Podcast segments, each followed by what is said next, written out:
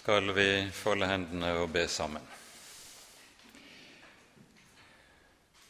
Ja, kjære gode Herre, så kommer vi sammen til deg innenfor dine øyne og ber deg, gode Herre, kom til oss med din Hellige Ånd. Gjør oss levende igjen, slik vi ba det når vi sang. Send din Hellige Ånd og gi lys i Ordet, så vi kan kjenne Jesus rett og at kunnskapen og kjennskapen til ham må bære frukt i livet vårt. Ta deg av hver enkelt som er kommet på bibeltimen i dag, og la Din Hellige Ånd få lov til å gjøre sin gjerning i hjertene våre. Amen.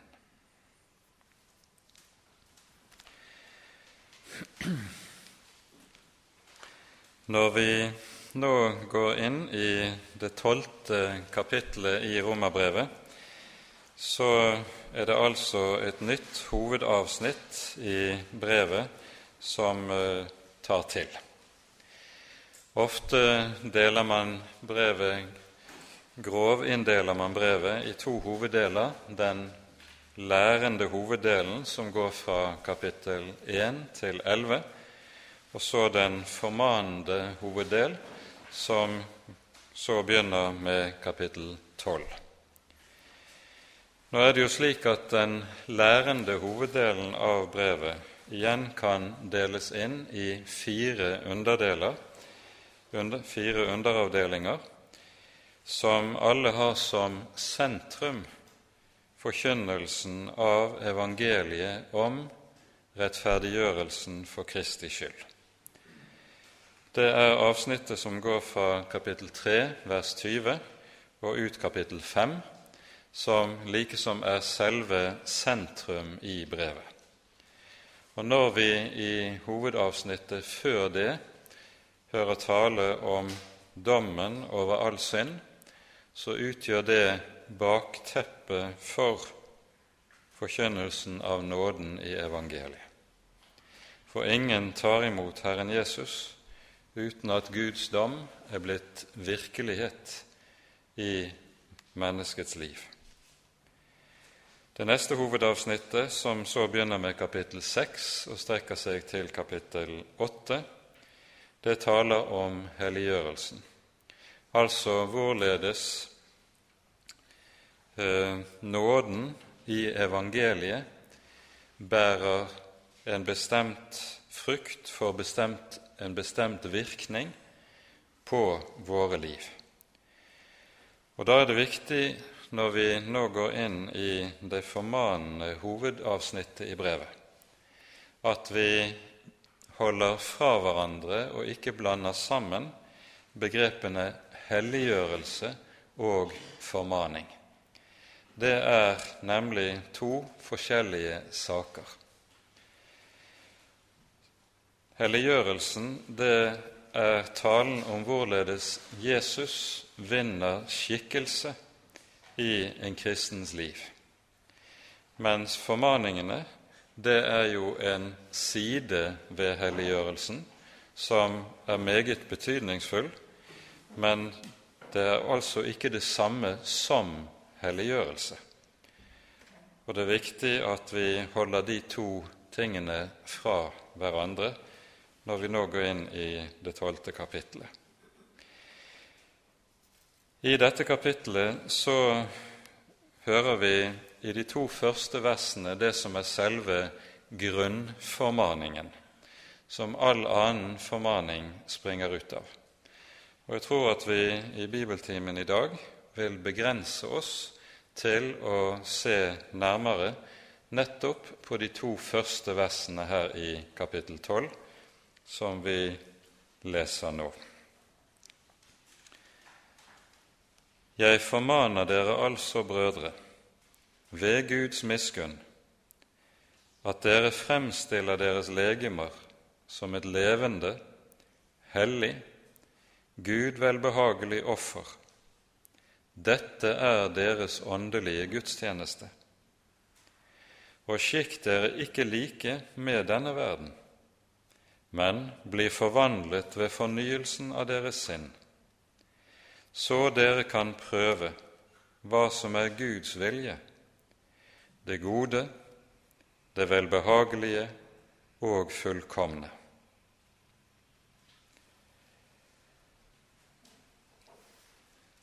Avsnittet begynner altså med ordet 'formane'. Og Dette ordet er et ord som det er, har stor betydning for oss å skjønne innholdet av på rette vis. For det første så skal vi merke oss at dette ordet i Det nye testamentet kan ha flere ulike betydninger. Det kan bety, sånn som vi hører det her, rett og slett formane, men det kan også oversettes med å trøste. Det kan oversettes med å oppmuntre. Og ordet betyr bokstavelig å tilkalle. Vi skal komme tilbake akkurat til det. Vi har det ofte med at når vi bruker uttrykket at noen skal få høre et Pauli-ord. Da får de en løftet pekefinger og får høre en streng irettesettelse på et eller annet vis. Og sånn som eh, språket er blitt hos oss, så forbindes ordet formaning nettopp med en løftet pekefinger. Det er uheldig fordi det ikke er det som ligger i Paulus' tale om dette. Og det ville kanskje være mer saksvarende å oversette ordet 'oppmuntre'. For det er nettopp det apostelen gjør når han taler sånn som han gjør i formaningene. Det taler om en bestemt form for oppmuntring til de troende når det gjelder deres liv. Ordet har med andre ord ikke den negative klangen som ofte forbindes med det ut fra vanlig språkbruk. Grunnen til at det har denne, la oss kalle det, noe mer positive klang, ligger i to forhold.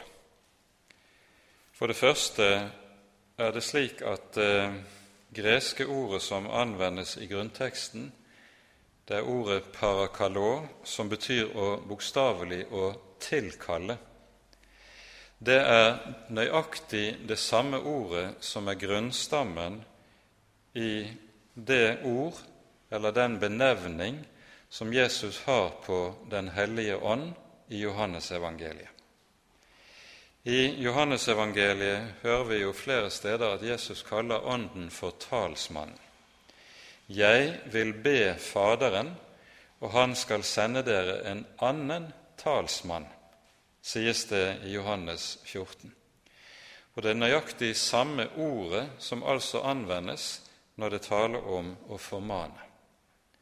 Poenget med at det er det samme begrepet rent språklig som anvendes både om Ånden og om formaning, det er at Apostelen med dette beskriver nettopp livet i Ånden. Det er bare den som har Den hellige ånd, i kraft av at han er rettferdiggjort ved troen, som kan formanes. Formaninger skal, slik Det nye testamentet tenker det, ikke rettes til uomvendte mennesker. Det vil alltid lede galt av sted. Det vil føre til lovtrelldom på ulike vis og egenrettferdighet. Formaning det er en særlig forkynnelse som retter seg utelukkende til de som eier troen på Herren Jesus. Og Derfor er det også det sies uttrykkelig 'Jeg formaner dere brødre', et uttrykk som i Det nye testamentet alltid anvendes om de troende og kun om dem. For det andre så henger dette ordet på en særlig måte sammen med det som vi har vært inne på tidligere når det gjelder eh, budskapet om helliggjørelsen i Romerbrevet. Og Der har vi flere ganger vært tilbake til ordene i Esekiels bok i det 36. kapittel, som vi minner om på ny. Esekiel kapittel 36, vi leser vers 26 og 27 her. Her er det tale om frelsen som Herren skal sende og hva denne utvirker hos menneskene når Messias kommer. Det sies i vers 26 og 27 følgende.: Jeg vil gi dere et nytt hjerte, og en ny ånd vil jeg gi inni dere. Jeg vil ta bort steinhjertet av deres kjød og gi dere et kjødhjerte.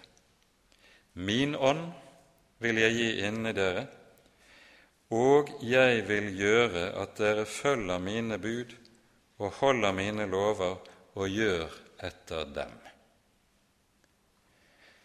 Det som vi leser i disse ordene, kan ikke understrekes sterkt nok. For det som her beskrives, det er det gjenfødte sinn.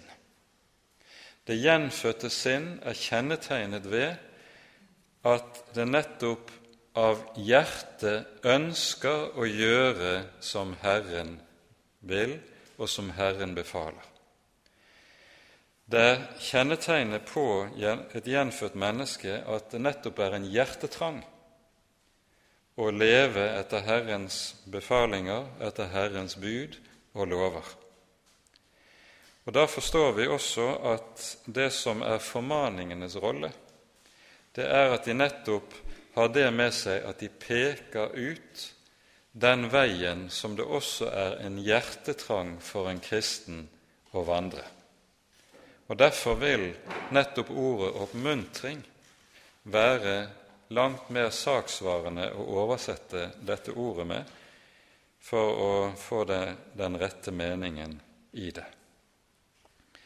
Et ugjenfødt menneske, det bærer i seg en veldig indre motvilje mot å følge Herrens lov, mens det gjenfødte sinn altså er kjennetegnet av det motsatte.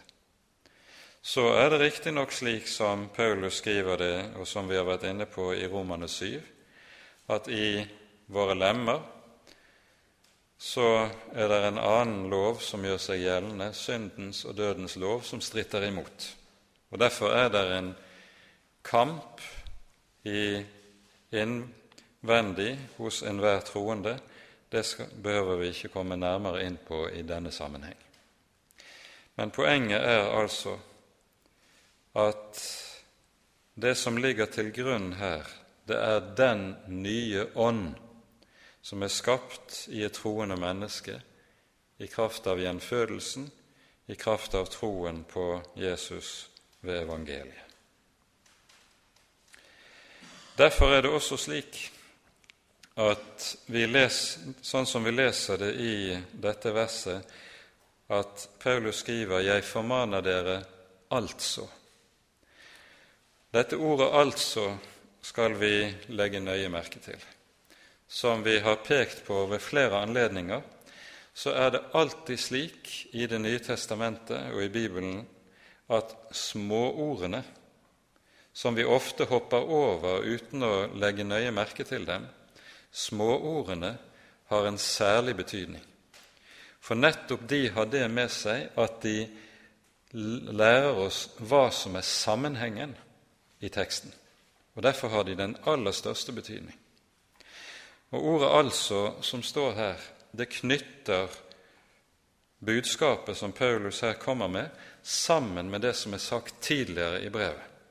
Jeg formaner dere altså ved Guds miskunn, altså i kraft av det som er forkynt tidligere i brevet, med budskapet om døds- og livssamfunnet med Jesus. med budskapet om at en kristen er fri fra loven, med budskapet om livet i Ånden, som vi hører om i det åttende kapittelet i Romerbrevet.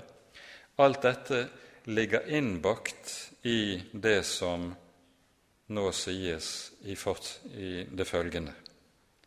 Jeg formaner dere altså, brødre, ved Guds miskunn.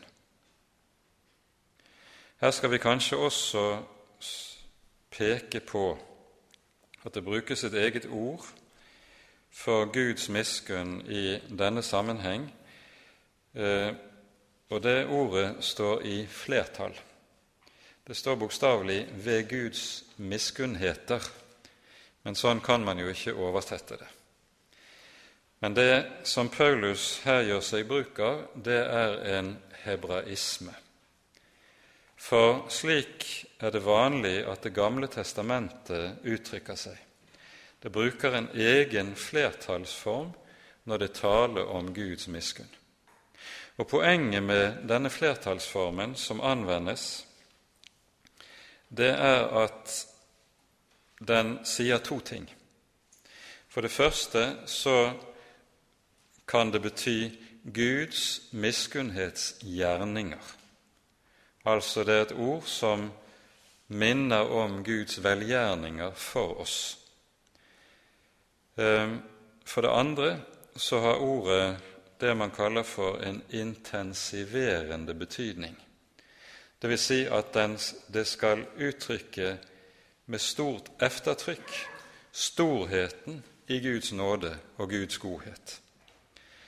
F.eks.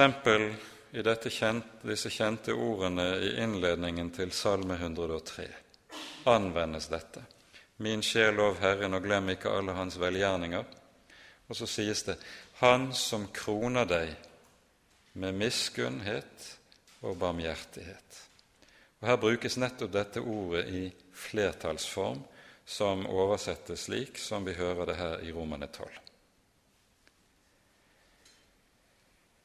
Det som Paulus nå gjør når han begynner med det formanende avsnitt i Romerbrevet, det er at vi her møter en måte å tale på som enhver kristen tar imot med takknemlighet. Og jeg har her trang til å minne om ordene i Salme 143. Her sier, ber David slik i det tiende verset.: Lær meg å gjøre din vilje for du er min Gud. Å gjøre Guds vilje, det er noe som må læres. Det er noe som ikke kommer av seg selv, og som vi ikke gjør av oss selv. Det må læres. Og det er det i det Paulus opptrer som vår hjelper. Og denne typen formaningstale som vi nå møter her i Romerbrevet, finner vi tilsvarende til i en rekke av de andre Paulusbrevene, som gjerne er oppbygget på nøyaktig samme måten, at det først er en lærende hoveddel som etterfølges av en formanende hoveddel. Og rekkefølgen er her selvfølgelig ikke tilfeldig. Lær meg å gjøre din vilje, for du er min Gud. Med tanke på formaningene så skulle dette være en kristens bønn alltid når han leser disse ordene i Det nye testamentet. Formaningstalen finner vi også rikelig av i Det gamle testamentet. Og vi har vel en hel bok i Det gamle testamentet som kan sies å være slik formaningstale, og det er Salomos ordspråk som er en gammeltestamentlig utgave av nettopp dette å gi oss hjelp til å vandre og leve rett her i verden. Så tenk på ordspråksboken ut fra dette med at her finner vi slik hjelp fra Herren. Jeg formaner dere altså, brødre, ved Guds miskunn at dere fremstiller deres legemer som et levende, hellig og Gud velbehagelig offer. Dette er deres åndelige gudstjeneste. Hva er det nå Paulus her gjør? I den, dette som er selve grunnformaningen, så anvender Paulus språkbruk hentet fra offertjenesten i tempelet i Jerusalem. Eksempel er det slik at dette verbet 'å fremstille' det er et verb som nettopp ble brukt om det å bære frem offeret i tempelet. Så det, selve verbet er i seg selv noe som peker på offertjenesten. Men når Paulus omtaler det kristne livet slik som en offertjeneste for Gud, hva er det som ligger bak det? Jo, bakom ligger en grunnsannhet som vi minnes om i flere andre sammenhenger i Det nye testamentet, og som det kan være godt for oss å stanse opp for. Da må vi slå opp i 1. Peters brev i det annet kapittel.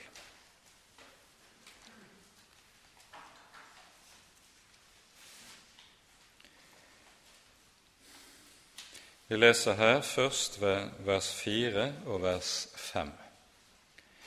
Kom til ham, den levende sten, som vel ble forkastet av mennesker, men er utvalgt og kostelig for Gud.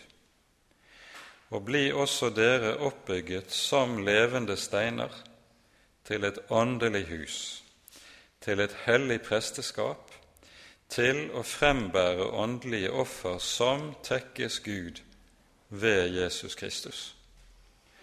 Og Så hopper vi til det niende verset, der det står slik.: Men dere er en utvalgt ett, et kongelig presteskap, et hellig folk, et folk til eiendom, for at dere skal forkynne Hans dyder, som kalte dere fra mørket til sitt underfulle lys.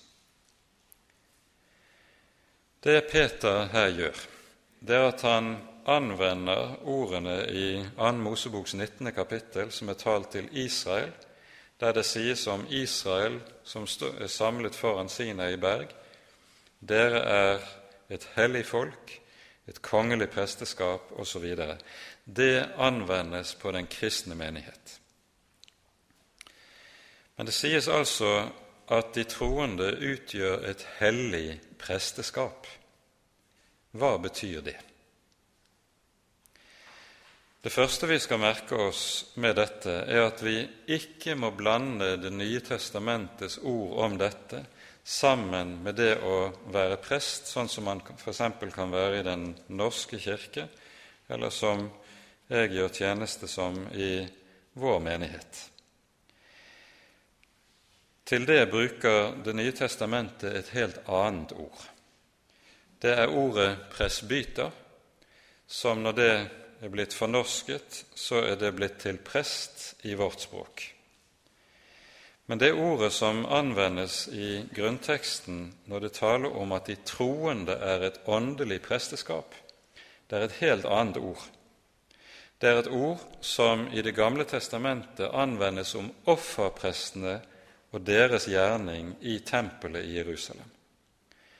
Altså den som er presbyter i, den nytestamentlige, i ny, den nytestamentlige menighet, han er ikke offerprest. Presbyter betyr bokstavelig eldste. Mens det å være prest, offerprest i Det gamle testamentet, til det anvendes altså et annet ord. Og Ut fra det som her lyder i 1. Peters brev, så har man gjerne talt om det allmenne prestedømmet. Det vil si at alle troende er slike prester som skal bære frem åndelige offer for Gud. Hva er det nå som kjennetegner presten, offerpresten, ifølge Det gamle testamentet? Vi kan ikke gå mye inn på det i denne sammenheng, men bare peke på at i 4. Mosebok 16. kapittel så finner vi en definisjon på dette. Og det sies bl.a. presten er den som er hellig, og den som har rett til å tre Gud nær. Det vil si gå inn i helligdommen. Det var noe ikke alle hadde. Det sies jo uttrykkelig i offerlovgivningen også at dersom et vanlig menneske som ikke er prest, trer inn i helligdommen, da skal han dø. Men presten, derimot, han har rett til å tre inn, han har rett til å tre frem for Gud, han har adgang til Gud i helligdommen. Og Når dette sies om de troende, at de er et slikt hellig presteskap, så sies det altså for det første vi er slike som har fått adgang til den hellige Gud. Vi har rett til å tre frem for ham i helligdommen. Slik det sies i Hebreabrevets tiende kapittel, at Jesus ved sitt offerblod har innviet oss en ny og levende vei inn i helligdommen. Og så skal vi gjøre bruk av denne adgang, denne rettighet som vi har fått i kraft av Jesu offer. Vi har rett til å tre Gud nær. Det er et veldig privilegium som med det sies om hvert enkelt troende menneske. For det andre prestens hovedoppgave i tempelet var å bære frem offer. Og her hører vi jo Peter også sier dere skal bli et hellig presteskap til å frembære åndelige offer som behager Gud ved Jesus Kristus.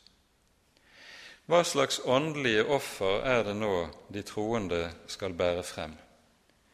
De skal først og fremst bære frem seg selv, sitt eget liv, eller som Paulus sier det i Romane 12, sine legemer.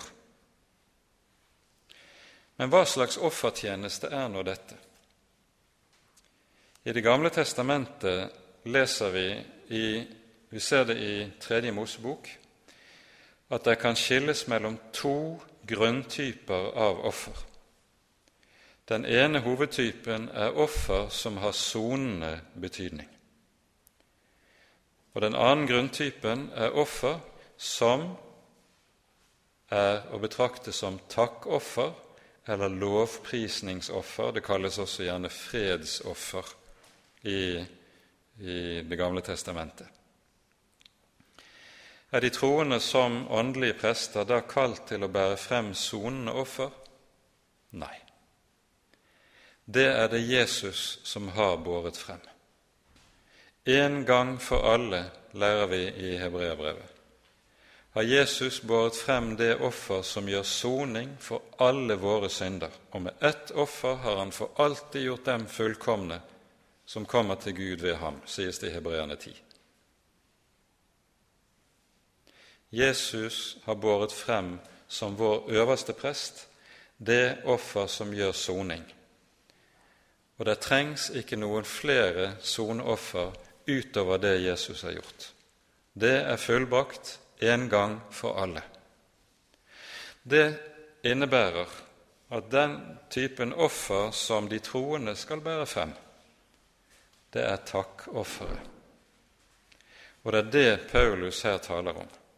Han taler om at det kristne liv er å betrakte som et takkoffer som bæres frem for Gud.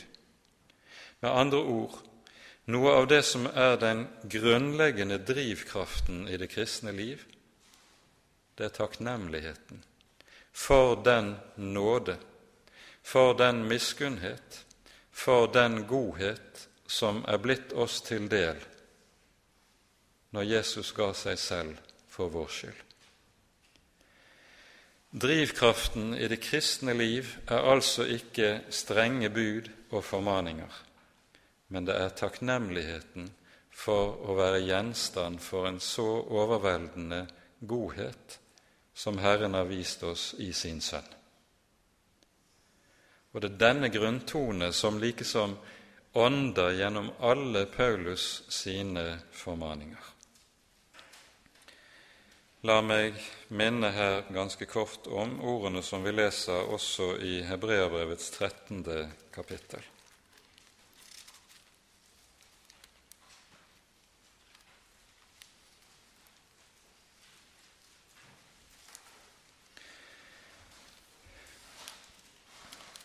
Her er det først, i det 13. kapittel fra vers 10 av, tale om Jesu offer for vår skyld og så kommer fra vers 15 av omtalen av vårt offer som bæres frem efterpå.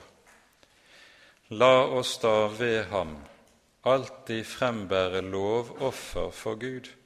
Det er frukt av leber som lover Hans navn. Men glem ikke å gjøre godt og dele med andre, for slike offer behager Gud.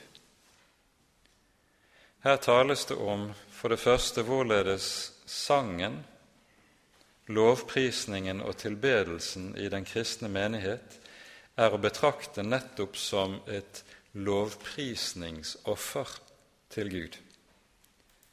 Det er litt av et perspektiv å tenke på når vi samles til gudstjeneste. Dette er vår offertjeneste som det hellige presteskapet når vi samles i Herrens hus. Og så kalles det å gjøre godt mot nesten også for et takkoffer slik. Vi kan også minne om det 28. verset i kapittel 12 i Hebreabrevet, som setter ord på noe av samme sak. Derfor, da vi får et rike som ikke rystes, la oss være takknemlige og derved tjene Gud til Hans velbehag med blygsel og med frykt. Legg merke til at det sies 'derved', altså ved takknemligheten, å tjene Gud. Det som var ordningen med offertjenesten i Det gamle testamentet, det var jo at takkofferet det kunne aldri frembæres før sonofferet var båret frem. Det fulgte alltid etterpå. Og Sånn er det med det Paulus nå taler om. Dere skal fremstille deres legemer som et levende, hellig og Gud velbehagelig offer. Dette er deres åndelige gudstjeneste. Og Legg merke til, for dette kan synes nokså nesten selvmotsigende i våre øyne. Vi skal bære frem legemene, altså det taler om våre kropper, og så kalles frembæringen av kroppen for en åndelig gudstjeneste. Hvorfor er det slik? Det henger sammen med to ting.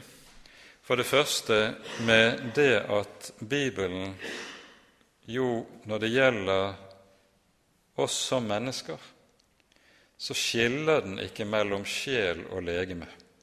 Det å leve her i verden, det er betyr at det er en enhet mellom sjel og legeme som ikke kan adskilles. Derfor, derfor er kroppen, vår fysiske liv, det er alltid uttrykk for det som er det åndelige liv. Det er en meget nær sammenheng med, med, mellom disse to. Derfor kan Paulus si, som vi hører det f.eks. i 1. Korinterbrev 6. kapittel i det siste verset, dere er dyrt kjøpt så er da Gud med deres legemer, med kroppen. Altså, kroppen skal stå til, med alle dens lemmer, skal stå til Herrens tjeneste. Det er den samme språkbruken Paulus gjør seg bruk av i det sjette kapittel her i Romerbrevet, som vi har vært inne på tidligere. Vi bare minner om det i kapittel 6, vers 13, eh, står det slik, etter at han har sagt:" La derfor ikke synden herske i deres dødelige legeme, så dere lyder dets lyster. By heller ikke deres lemmer, det taler om altså våre fysiske lemmer, Fremfor synden som urettferdighetsvåpen, men by dere frem for Gud som de som av døde er blitt levende, og deres lemmer som rettferdighetsvåpen for Gud. Det ble sagt dere skal fremstille deres legemer som et levende offer. Ja, vi skal fremstille oss som de som av døde er blitt levende, som vi hører det her i Romane 6. Når Paulus her bruker adjektivet 'levende' og taler om et levende offer, og beskriver den kristnes offertjeneste og liv slik, så er dette et ord som står i motsetning til et særegent uttrykk som vi hører et par ganger i Hebreabrevet. I Hebreerne 6 så tales det om det som er eh, det barnelærdommen i eh, kristentroen. Og så sies det sånn La oss derfor gå forbi barnelærdommen om Kristus og skride frem mot det fullkomne, så vi ikke atter legger grunnvollen med omvendelse fra døde gjerninger og tro på Gud. Hva er dette her uttrykket 'døde gjerninger' for noe? Uttrykket dukker opp igjen i det niende kapittelet i Hebreabrevet, i vers 14, der det står sånn:" Hvor meget mer skal da Kristi blod, Han som ved en evig ånd bar seg selv frem som et ulastelig offer for Gud, rense deres samvittighet fra døde gjerninger til å tjene den levende Gud. Hva er døde gjerninger for noe? Døde gjerninger er det som vi kan kalle for lovgjerninger. Døde gjerninger er slike gjerninger som det gamle mennesket gjør, og som har sin kilde i det gamle mennesket. Om disse gjerningene ytre sett fortoner seg som gode eller onde, det er saken totalt uvedkommende. For fordi det kommer fra det gamle mennesket, så er gjerningene døde. Og de kan derfor ingenting utvirke hos Gud, de har ingen betydning. Det er døde gjerninger. Mens der et menneske lever i ved evangeliet om Jesus, der skjer det motsatte. Der kan han bære seg selv frem som levende. For Kristi liv gjør seg uttrykk hos ham. Hellig, det kommer vi litt tilbake til i forbindelse med det neste verset, det betyr utskilt fra verden for å være innviet til Gud. Det er jo slik i Bibelen at ordet 'hellig' det har det med seg at det er bare én som er hellig, og det er Herren vår Gud. Han er den hellige. Og ordet 'den hellige' er jo også et av Guds navn i Bibelen. Men så anvendes ordet 'hellig' også om ting i denne verden, og da anvendes det i betydningen at noe er utskilt fra verden og fra verdslig bruk for at det skal tilhøre Herren, Altså, det er hans eiendom, det hører til hans enemerker. Og det at vi bærer frem vår legemer som et hellig offer, det skal lære oss å se på oss selv, kroppen vår, slik at 'jeg hører ikke meg selv til, jeg hører Herren til'. Kroppen min er Kristi kropp og skal derfor stå til hans tjeneste. Til slutt ble uttrykket 'et velbehagelig offer' brukt. Det betyr at det er velbehagelig for Gud. Det betyr, sånn som vi hører det i en rekke sammenhenger i Det gamle testamentet, det tales om at noe er godt i Guds øyne. Tenk det. Der et troende menneske slik for Jesus skyld kan bære seg selv frem i troen på ham, så sies det dette er velbehagelig for Gud. Ikke fordi at gjerningen er god i seg selv, for gjerningen hos en kristen vil alltid være smittet av synd, men likevel for Jesus skyld så blir det velbehagelig for Gud Og så sies det dette er deres åndelige gudstjeneste. Så kommer det neste verset, som ikke er mindre betydningsfullt. Sikt dere ikke like med denne verden, men bli forvandlet ved fornyelsen av deres sinn, så dere kan prøve hva som er Guds vilje, det gode, det velbehagelige, det fullkomne. Her anvendes det et ord som, eh, når det taler om å skikke seg like med, som bokstavelig betyr å gå etter samme skjema som, innrette seg etter samme skjema som denne verden gjør. Det sies i, som dere kanskje vil huske det, i Efeserbrevets andre kapittel om hva som kjennetegnet de troende før de ble omvendt, før de kom til å tilhøre Herren. Så sies det om dem Efeserne 2, vers 2. Dere vandret fordum etter denne verdens løp, etter høvdingen over luftens makter, den ånd som nå er virksom i vantroens barn. En kristen, et menneske som ikke er en kristen, han vandrer under påvirkning fra den verden som han lever i, og dens målestokker, dens måte å tenke på, det vil prege alt hans liv på alle områder. Tilsvarende hører vi i Efesane kapittel 4 følgende formaning, vers 17.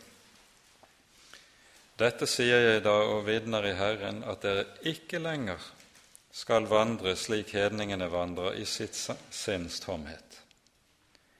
Der skal bli en forskjell. Skikk dere ikke like med denne verden. Uttrykket som anvendes for, om denne verden, det er et ord som bokstavelig betyr tidsalder. Det nye testamentet har to ulike ord som begge oversettes med 'verden' i våre bibeloversettelser.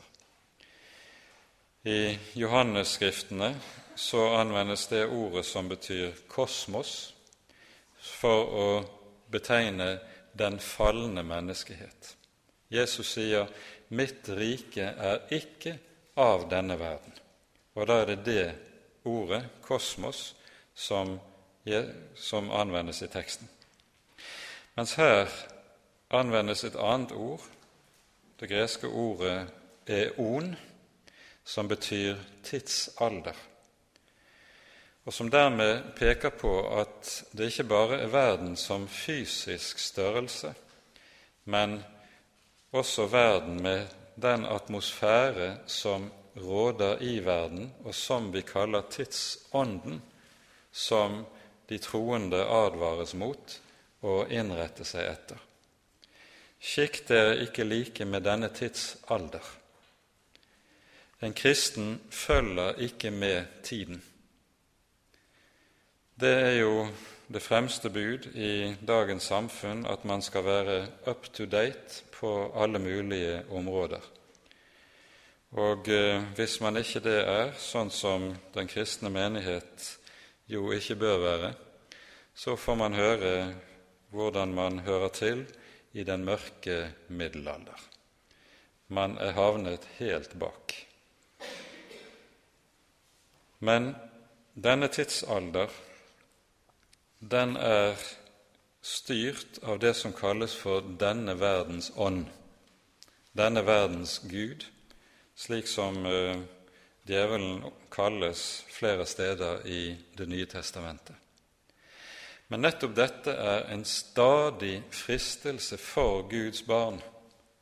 Det er å innrette seg etter tiden, etter tidens tenkning, etter verden og verdens måte å tenke på og vurdere på. Og Derfor kommer dette som en grunnformaning. Skikk dere ikke like med denne verden. Allerede i Det gamle testamentet ser vi hvordan Israel på ny og på ny faller for fristelsen til å gjøre dette. Når vi i annen kongeboks eh, 17. kapittel hører om Nordrikets undergang, og hva som er årsaken til dette, så sies det flere ganger at Israel tok efter alle de folks skikker som de bodde iblant. Altså, de tok etter hedningene. I stedet for å holde seg til Herrens ord, så så de på hvordan hedningene tenkte, hvordan de levde, hvordan de vurderte, og så innrettet de seg på samme måten. Dette var deres fristelse. Og i komprimert form kommer jo dette til uttrykk i ordene som lyder allerede til profeten Samuel, som vi hører i 1. Samuels boks åttende kapittel. Der krever Israel å få en konge, noe som ikke var galt i og for seg, for Herren hadde allerede i Moseloven, Mosebøkene flere ganger lovet at folket skulle få en konge. Men det som er begrunnelsen for folkets krav om å få en konge, det er galt, og derfor blir alt galt. De sier nemlig 'vi vil være som alle de andre folk'. Og det er den store fristelse som eh, Guds folk stadig ser ut til å snuble i. Skikk dere ikke like med denne verden. Det det handler om her, det er å gjøre seg klart hva det vil si når Jesus sier 'Mitt rike er ikke av denne verden'. Det innebærer at det å høre Kristi rike til, det er å komme til et rike der helt, en helt annen tankegang, helt andre vurderinger, helt andre typer lovmessighet gjør seg gjeldende enn det som gjelder her i verden. For å ta et par eksempler. For her er det ikke bare tale om verdslighet sånn i alminnelig forstand, det som vi gjerne omtaler som materialisme. Vi leser jo i Lukasevangeliets 14. kapittel når vi hører Jesu lignelse om det store gjestebudet. Så hører vi om disse som unnskylder seg, ikke kan komme. Den ene har kjøpt en aker. Jeg ber deg ha meg unnskyldt, jeg må ut og se på åkeren. Den andre har kjøpt okser som han skal pløye med, han må ut og se på det. En, atter en annen har tatt seg en brud og er opptatt med det. Altså ingen av de tingene som hindrer de innbudne å komme til gjestebudet, er i og for seg gale. Tvert om er både det å ha åker og okser, altså hus og eiendom, ha bil for den saks skyld, det er i seg selv noe som ikke er galt. Men når det inntar sinnet på en slik måte at det hindrer en i å komme, hindrer en i å samles om Guds ord, da blir det til verdslighet. Det blir en materialisme som inntar sinnet og gjør at det som har med Guds rike å gjøre, det får mindre betydning. Nå er det imidlertid slik at det apostelen her taler om, er ikke blott og bart slik materialisme. Men han taler om hvorledes et troende menneske skal forvandles i sitt sinn på en slik måte at alle hans tanker og vurderinger blir preget av Guds ord, og ikke lenger av denne verdens måte å tenke på. Allerede hos Jesaja i det 55. kapittel sies det jo uttrykkelig når Herren kaller folket til omvendelse, så sier han den ugudelige forlater sin vei, og den urettferdige sine tanker. Altså, det handler ikke bare om en ytre omvendelse som går på levemåten, men det har også med at omvendelsen skal gjelde sinnet, hvordan vi tenker. For, sier Herren, mine veier er ikke deres veier, og mine tanker er ikke deres tanker. Som himmelen er høyere enn jorden, således er mine tanker høyere enn deres tanker.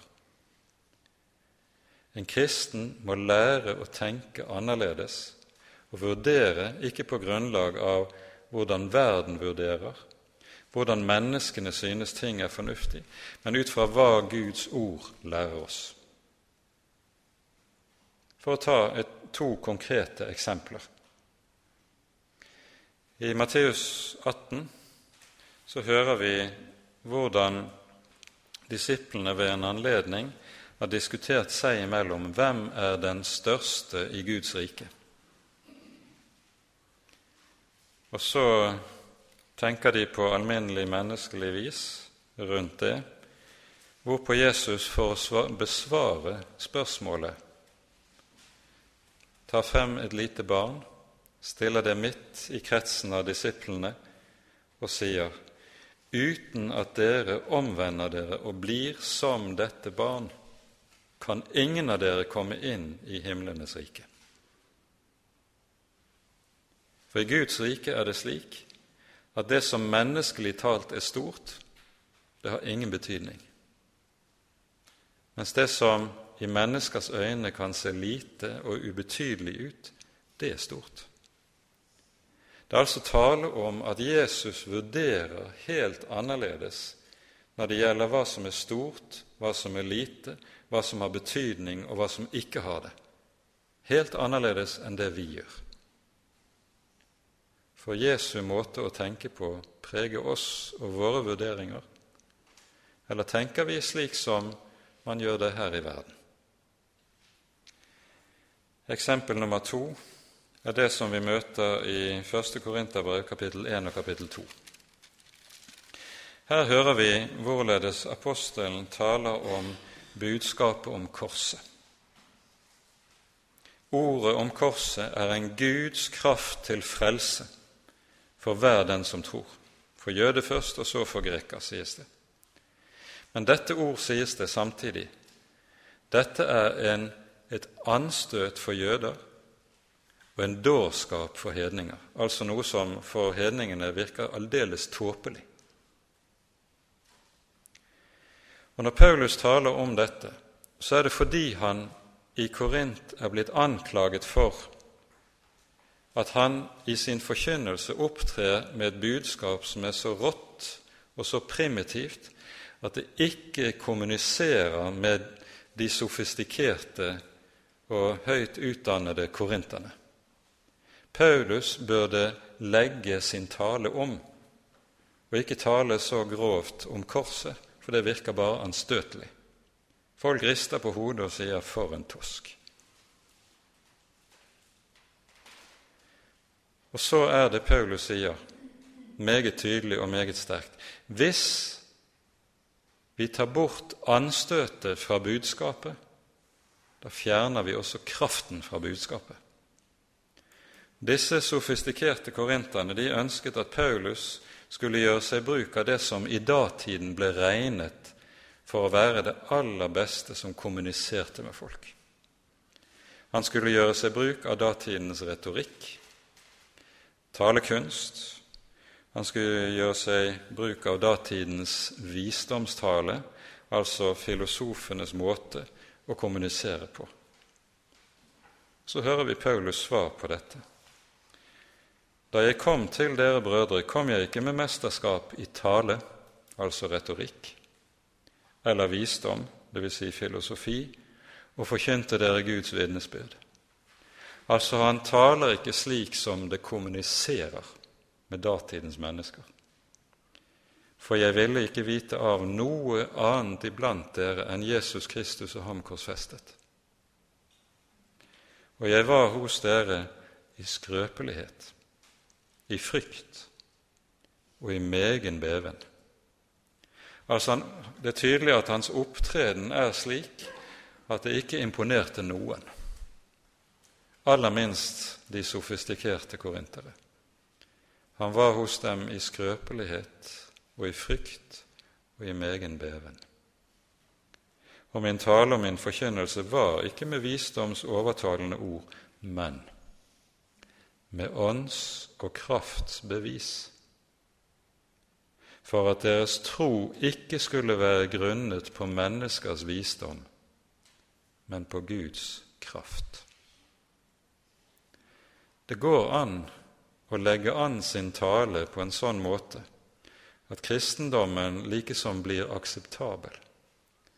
Man taler på en slik måte at man kommuniserer med det moderne mennesket. Og de nikker på hodet. Dette er bra saker. Men den tro som skapes med dette, den er grunnet på menneskers visdom og ikke Guds kraft. Og derfor vil den ikke holde. Den er av mennesker, den er ikke av Gud. Paulus skikker seg ikke like med verden. Han tenker annerledes, for han er lært av Gud. Og nettopp Paulus' måte å tenke på kommer til å prege hvordan han arbeider når han skal nå mennesker i forkynnelsen. Dette burde være et memento inn i dagens situasjon, hvor altfor mye ser i en rekke kristne sammenhenger at man legger opp arbeid for å gjøre det mest mulig tiltalende for mennesker, i håp om at man slik skal trekke noen til troen. Men når anstøtet blir borte, så blir kraften borte. Og så har man innrettet arbeidet i Guds rike etter det som er verdens tankegang. Skikk dere ikke like med denne verden, sier Paulus. Det gjelder også hvordan vi tenker.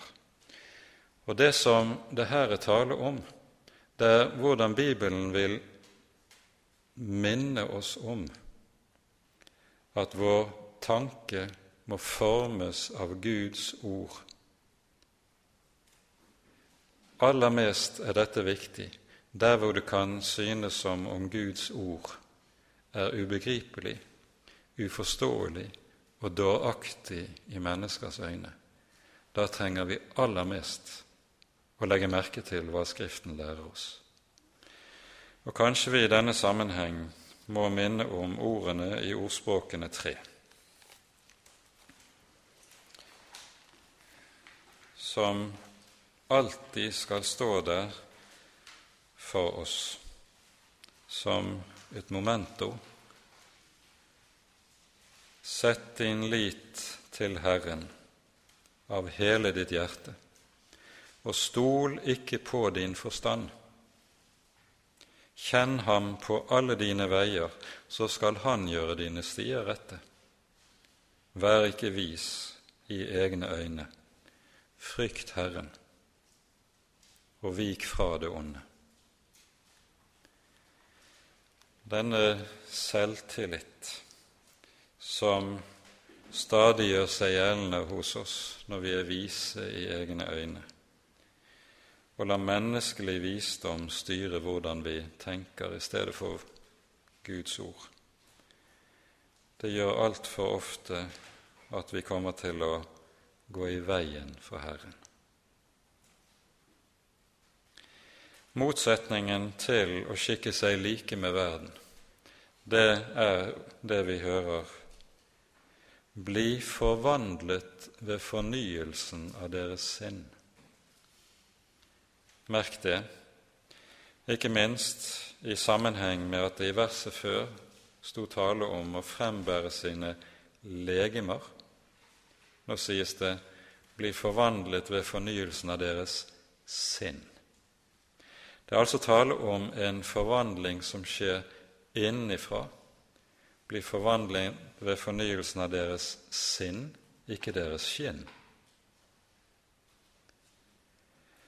Her kunne vi kanskje minne om hvilket bilde som anvendes i Salme 92, vers 13, og om de som hører Herren til, de rettferdige. Der sies det:" Den rettferdige spirer som palmen. Hva kjennetegner palmetreet til forskjell fra andre trær? Alle trær har det med, unntatt palmen, har det med seg at når de vokser, så vokser de ut i barken. Og Derfor får du årringer som gjør at treet blir stadig tykkere jo eldre det er. Slik er det ikke med palmen. Palmen vokser innenfra kjernen, og så sprenger den ut, sånn at stammen stadig sprenges. Og Derfor får du disse knudrete stammene som du har på palmetrær. Den vokser innifra. Blir forvandlet ved fornyelsen av deres sinn. Hvorledes skjer denne forvandling? Vi rekker ikke å gå mye inn på det her, men vi vil peke på to midler som Gud bruker i denne forvandlingsprosessen. 2. Korinterbrev, kapittel 3 og 4. I kapittel 3, det siste verset der, så står det slik Vi som med utildekket åsyn skuer Herrens herlighet, som i et speil. Vi blir alle forvandlet til det samme bildet, fra herlighet til herlighet, som av Herrens ånd. Hva er det tale om her? Jo, i det foregående har apostelen talt om loven og evangeliet og forskjellen på disse to. Og det å være en kristen, det er å ha fått et utildekket åsyn som en ser evangeliets hemmelighet. Og denne hemmelighet har det med seg at der et menneske ser inn i den, så virker den forvandlende. Det er ikke loven som er helliggjørelsens kraft, det er evangeliet. Og Derfor står det sånn som vi hører det her at ved å skue inn i evangeliet så forvandles et kristent menneske. Det er det ene middel. Det andre middel som apostelen taler om, hører vi i kapittel 4. Vi rekker ikke å tale meget om det her, men her taler han om trengselens rolle i en kristens liv. Og så står det i vers 16.: Derfor taper vi ikke motet men om òg vårt utvortes menneske går til grunne, så fornyes dog det innvortes dag for dag. For vår trengsel, som er kortvarig og lett, virker for oss en evig fylde av herlighet, i overmål på overmål. Dette er de to viktigste forvandlingsredskaper Gud har når han gjør sin helliggjørende gjerning i våre liv. Det fører for langt å gå nærmere inn på dette i dag, men la det bare være pekt på det i denne sammenheng. Bli forvandlet ved fornyelsen av deres sinn. Og så kommer følgesetningen. Så dere kan prøve hva som er Guds vilje, det gode, det velbehagelige og det fullkomne. Der dette skjer hos et kristent menneske, der skapes det også åndelig dømmekraft. Det er en, noe som er den viktigste frukt av dette. Og så merker vi også motsetningen til dette at der hvor et kristent menneske skikker seg like med denne verden, tenker likt med denne verden, der mister en også den åndelige dømmekraft. Og blir ikke lenger i stand til å navigere så en kan finne hva som er Guds vilje når en skal finne veien i de ulike forhold. Og en vil fort komme til å gå seg vill. Det er altså slik at dette å ikke skikke seg like med verden, det er forutsetningen for at det kan virkes åndelig dømmekraft hos Guds barn. Og dette er noe av det som er aller mest nødvendig, ikke minst i våre dager. I Oldkirken var det slik at en så på nettopp det å ha åndelig dømmekraft som den viktigste av alle nådegaver. Slik kunne en fris og hjelpes i møte med all den, alle de forvirrende forhold som vi stilles overfor her i verden. Og en kan også hjelpe andre mennesker, så dere kan prøve hva som er Guds vilje, det gode, det velbehagelige, det fullkomne. En kjent skriftfortolker har sagt om dette følgende Bengel, som eh, levde på 1700-tallet, men fortsatt leves, le, leses meget. Han sier så lenge en henger fast i det gamle sinn, kan man ikke dømme om Guds vilje, selv om man er aldri så skarpsindig. Man vil forsøke å forsvare snart det ene, snart det andre, i det en mener at Gud er lik en selv. Jeg har tidligere noen ganger sitert et av Pete Hines grukk som tåler å gjentas i denne sammenheng. Han skriver følgende Herrens visdom svikter ei. Derfor mener han som jeg. Sånn liker det selvkloke mennesket å tenke. Men det å lære her å tvile på seg selv Sett ikke din lit til din egen forstand. Stol på Herren. Sett din lit til Herren av hele ditt hjerte fordi dette jo henger sammen med at den Gud som er vår Gud, som den hellige, er han også den som er helt annerledes enn oss i vår falne tilstand.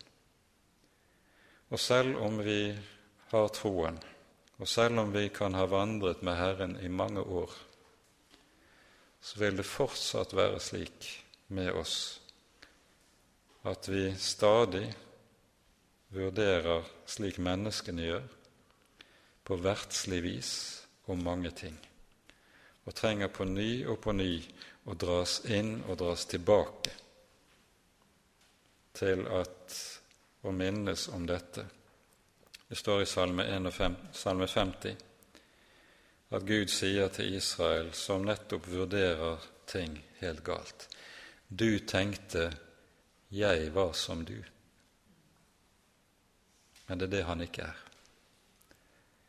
Derfor heter han 'Jeg er den jeg er'. Han er ikke den vi vil han skal være, men han heter 'Jeg er den jeg er'. Det er Guds navn. Og det å lære det, det sitter langt inne hos oss. Men vi forstår hvorfor det er nødvendig for apostelen å komme med dette som så å si den grunnleggende formaning. For det hviler nettopp i dette at Herren er den Han er, og Han skikker seg ikke like med oss. Amen. Ære være Faderen og Sønnen og Den hellige ånd som var og er og være skal, en sann Gud, høylovet i evighet. Amen.